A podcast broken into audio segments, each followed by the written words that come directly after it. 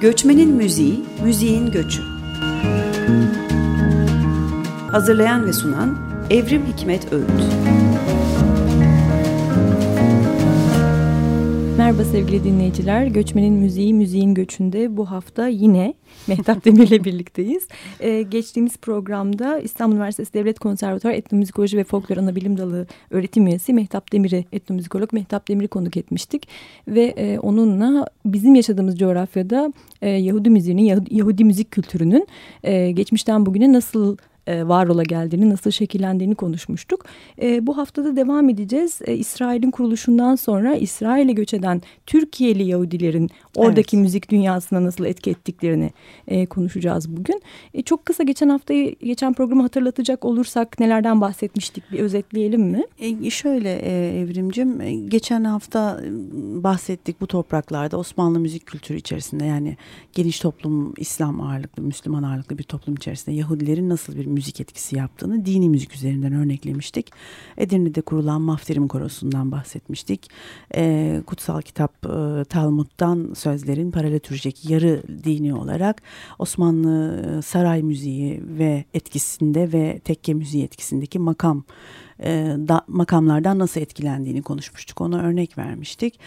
E, güncel hayatımız içerisinde iki türden bahsetmiştik. Bir işte Türk hafif batı müziği dönemi Cumhuriyet politikalarıyla bir birlikte başlayan dönemde e, işte Fransızcadan, İtalyancadan e, değiştirilen şarkılar, e, yine sefarat kültürü içerisinde yani İspanya'dan göçenlerin e, getirdiği işte kantikalar ve e, halk şarkılarının özellikle şehir müziği içerisinde, şehir halk müzikleri içerisinde nasıl yer edindiğinden bahsetmiştik. Demek ki üç büyük form olarak ya da biçim olarak evet, bizim hayatımız içerisinde bu coğrafyada Yahudi müzik kültürünün etkisi var. Evet. Peki şimdi bugün 1940'lardan itibaren İsrail'in e, kurulması sürecini ve orada e, Türkiye'den göç eden e, Yahudi müzisyenlerin veya müzik mü, müzik işinasların diyelim evet. oradaki etkisini konuşacağız. E, şimdi bu İsrail'de ulusal müzik politikası yani işte ilk ulus devletin kurulması sürecinde e, bir müzik politikası var mı? E, evet. ve bunun içinde Türkiye'den gidenlerin bir etkisi bir rolü var mı? Öyle başlayalım istersen. Öyle başlayalım olur. Şimdi İsrail 1940'larda e, Siyonizm ya da ulus e, İsrail'e çıkmak diye bir terim vardır. Önce ona başlayalım. Yani orayı yaratmanın e, kendi inançlarına göre çok büyük bir e, kutsal e, kimliği var, aidiyeti var. Burayı yaratırken insanlar tabii en, en önemli alan göç. Yani dünyanın her yerinden göç almaya çalıştılar. Göçle orayı oluşturdular. E, ulus devlet politikası dini eksenli sosyalist bir devlet olarak kendini tanımlıyor. Bugün bile hala öyle. İsrail'de e, Aşkenaz merkezli, Doğu Avrupa, e, Doğu Almanya merkezli bir e, ulus devlet politikası var. Yani Hı. İsrail Aşkenazlar kurdu aslında. Hı. Bugün tarihini yazan, e, İsrail yakın tarihini yazan herkes bunu rahatlıkla söyler. Dolayısıyla müzik kültürü e, işte daha çok Avrupa Doğu Avrupa müzik kültürü üzerinde şekillenmiş bir ulus devlet müzik yapısı hmm. var. Sefaratlar yani İspanya'dan Osmanlı'ya işte Yunanistan'a gelenler ve o, buradan da yine Maroko ve Fas'tan da sefaret onlar da sefaret gelenler İsrail'e yavaş yavaş göçtüklerinde e, bu politika üzerinde etki yapamadılar. Hı. Olmadı. Yani resmi politikanın dışında resmi dışında politikanın kaldı. dışında kaldılar kesinlikle. Çünkü onlar da aslında e, başka bir dil konuşuyorlardı. İbraniceyi yani kutsal kitaplarından bildikleri İbranice ile resmi dil İbranice arasında tabii ki bir fark var. Dolayısıyla onu yeni öğreniyorlardı. Onlar yeniden okullara gittiler. Kibutslarda yaşadılar. Kibutslar çok önemli e, köyler. Hı hı. Bu köyler yine sosyalist düzen içerisinde kendi üretimlerini yapan köyler. E, Türk kibutsları, işte e, Rus kibutsları falan gibi böyle e, yerel geldikleri ülkeleri betimleyen kibutslar vardı. Orada kendi getirdikleri müzik kültürlerini e, yaşattılar tabii ki ama devlet politikası içerisinde e, tamamen Doğu Avrupa müzik kültürünün etkin olduğu İbranice diline adapte edilen yeni yeni üretimler yapıldı. Marş müziği tabii ki askeri müzikler çok önemliydi. Peki bu kurulma aşamasından sonra Türkiye'den göçleri düşünecek olursak böyle önemli dalgalar var mı buradan e, İsrail'e? Ya, bizim e, Şule Toktaş'ın da yaptığı çalışmalar çok önemli. Biz e, gördük ki büyük bir göç yok Türkiye'den. Hep peyderpey ve e, yaşam şartları gereği olan göçler Hı. var. Yani toplu halde bir devlet politikası, Türkiye'deki devlet politikasına karşı gelerek ya da yerinden edilerek filan yapılan göçler yok. Onlar işte aile ilişkileri, e, ekonomik ilişkiler, e, ticaret ilişkileri ya da eğitim ilişkileri üzerinden peyderpey göçtüler. E, ve nasıl bir müzik götürdüler? E, şimdi bu göçler genelde İsrail'de Batyam denilen bölgede yerleşti. Yani ilk Türkler oralara yerleştiği için kibutsların dışında kalan sivil e, göçler, kendi halindeki göçlerde Batyam'a yerleştiler. Batyam e, Tel Aviv'le 15 dakika mesafesi olan başka bir il olarak geçiyor. Şimdi biz ben 2009 e, yılında İsrail'e alan çalışması için gittiğimde dahi Batyam esnafının ve Batyam'daki eğlence merkezlerinin e, şeyini kimlik aidiyetini Türkiye'de İzmir ve İstanbul'daki eğlence kültürünün birebir kopyası olarak hmm. gördüm. Hala devam ediyor. Taverna kültürü. Şimdi e, İsrail'e göçen, Türkiye'den göçen e, ve e, orada şimdi e, 1980'lerde 75'lerde e, bizde çok önemli bir şarkı var. 84'te e, çıktı Orhan Gencebay'ın Dil Yarası şarkısı. Ve tabii filmler aynı zamanda filmler de var.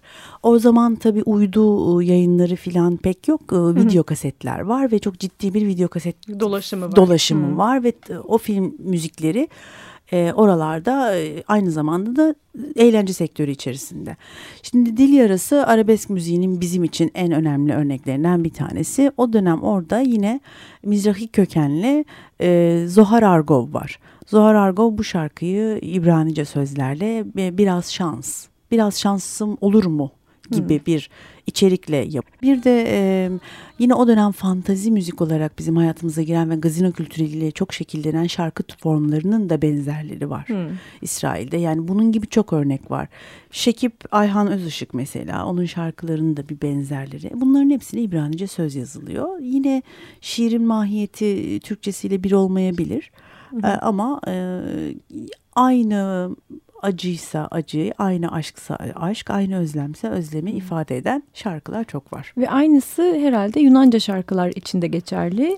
Evet. Onlar üzerine de yine İbranice sözler. Laiko müzik e, dediğimiz yazıyorlar. yani Hı -hı. bizim arabeski bir nevi tarif edebileceğimiz ya da karşılaştırabileceğimiz bir müzik türü aynısı e, Yunan müziği içinde geçerli. Şu anda yani bugün yaklaşık işte benim çalışmamın üzerinden e, 7-8 sene geçti. E, ne daha fazla önde diye sorarsak e, geçen yaz İsrail'deydim. Ee, şimdi Laiko onun başlangıcını yani. örnek verelim. Yani Hı. Laiko değil aslında tam olarak. Şimdi Miki Gavrilov var. O dönem e, yani 80'lerde e, İsrail'e yeni bir e, pop müziği mantığı ama rock müzikle karışık. Aynı zamanda o dönem bizim işte şeye denk geliyor. İşte Barış Manço'ların, Cem Karacalar'ın çok sevildiği Anadolu grup, Anadolu rockların olduğu dönem. İstanbul'la Üsküdar'ın arası gibi İstanbul şarkıları hemen hemen birçoğu İbranice'ye çevrildi. Çoğunu Miki Gavrilov yaptı. Şimdi burada bir politika değişikliği vardı. Yani 1980'lerde İsrail'de artık e, Doğu Akdenizli o şey e, pardon Orta Avrupa kökenli Aşkenaz kültürden kurtulup ülkede çok kültürlülüğü yayma politikası vardı. Yani bir çeşit çok kültürlülük devlet politikası olmaya başlamıştı. Hmm. O zaman yapılan e, şeylerde çocuk etkinliklerinde yani bayramlarda, törenlerde çok kültürlülük esası vardı ve her yerden farklı coğrafyalardan gelen ailelerin çocuklarını e, onların hem kendi dilleriyle hem kendi kültürleriyle beraber bir çeşit yeni bir eğitim yani gizli hmm. bir eğitim politikası içinde vardı. Bizden de Müjde diye bir kız vardı. E, Müjde zamanında bu gazinolarda çalışmak için göçen e, Bursalı bir bağlama, elektro bağlama sanatçısının kızı. Ve o artık e, orada yaşayan, orada doğan, orada yaşayan, orada İbranice eğitim alan bir kız ve babasıyla birlikte Türkçe, İbranice şarkılar söylüyorlar. e, müjde çok ciddi bir e, çocuk e, fenomeni oldu. Yani ama bu müziğin içerisindeki o karmaşıklığı, hekimlik karmaşıklığını, Hı. yaşam karmaşıklığını, kafa karışıklığını, e, teknolojiyi tabii zaten e, zamanı itibariyle duyabiliyoruz. Yani bunu hala Hepsinin yaşıyor. okunabileceği bir örnek aslında. Bence öyle. Evet. Ve kaybolan insanlar. Ya bunların çoğu o, o geçiş sürecinde kayboldular. E, birinci nesil yani ilk buradan göçtükten sonra Türkiye Yahudileri ilk nesil çok güçlü durdu. Bir ulus devlet politikası içerisinde e, bir inançla birlikte. 1980'lerle göçenler daha keyifsiz göçtüler. Yani burada yaşamışlar, gençliklerini, çocukluklarını burada geçirmişler. Fakat yaşam şartları onları oraya götürdü. Dolayısıyla onlar daha keyifsizdiler ve kaybolan, kendilerini kaybolan nesil olarak tanımladılar. Onların çocukları artık İsrailliydi zaten. Peki az önce dört tane toplumsal e, kültürel gruptan bahsetmiştik. Evet. E, Mizraillerden konuştuk, Akdenizlilikten bahsettik. Aşkenazlardan ve seferatlardan da bahsedelim mi? Yani özellikle seferat kültürü bizim e, ilgi alanımıza burada giriyor. Evet, Aşkenazları hep konuşuyoruz zaten Hı hı. Doğu Avrupa e, ve onlar işte arp gibi, gitar gibi çalgılarla, e, Aşkenaz kökenli şarkılarla e, o devletin yapısını oluşturdular. Bugün dans müziklerinin çoğu Aşkenaz merkezlidir. Sefaratlar e, nasıl bir etki yaptı? E, şimdi aslında Osmanlı makam müzik kültürünün demin bahsettiğimiz maftirimin işte günlük hayat içerisinde maftirim olarak devamlılığı orada sağlanıyor. Türk sinagoglarında. Bakın dikkatinizi çekiyorum. Türk sinagogları var Hı hı. orada. Her grubun gittiği, kendini tarif ettiği, kimliklendirdiği yerler var. Ma- müzik olarak e, bu kökten gelmiş. Aileleri bu şeyden, bu ruhtan gelmiş. Çocuklar müzisyen olmaya karar verdikleri zaman ilk geldikleri yer Türkiye oldu. Kanun öğrenmek için, perküsyon öğrenmek için, ritim darbuka özellikle öğrenmek için, kemençe, ud, e, ney öğrenmek için onlar buraya geldiler. Burada işte birer yıl, ikişer yıl e, masterlardan, ustalardan dersler aldılar ve gittiler kendileri orada bir e, e, okul yapılanması yaptılar. Şu anda İsrail'de e, Yeruşalayim'de yani Kudüs'te ve e, Tel Aviv'de çok ciddi e, çalgılar öğreten, e, Türk çalgıları öğreten, usulü öğreten okullar var. var. El Adgabay bunlardan bir örnek. Bir kanun sanatçısı. Önce ud öğrenmek için buraya geldi. Şimdi orada çok büyük bir okulda ders veriyor. Aynı zamanda üniversitede de ders veriyor. Çünkü başka insan yok bunu öğretecek. Stil olarak Türk müziği ni orada yaygınlaştıran çok fazla örnek var ama makam Türk müziği yani peşrevi Osman- biz çalmıyoruz onlar peşrev çalıyorlar hala orada. Yani Türk Öyle. Osmanlı makam müziği geleneğinin bir devamı. Devamı hala orada, Orada devam yaşanıyor. ediyor gençler tarafından. Sana teşekkür etmek istiyorum. Bu ben iki teşekkür program benim için de çok zengin, e, çok e- öğretici oldu. Çok teşekkür E, ederim. Umarım dinleyiciler için de e, aynı şekilde keyifli olmuştur. Teşekkürler.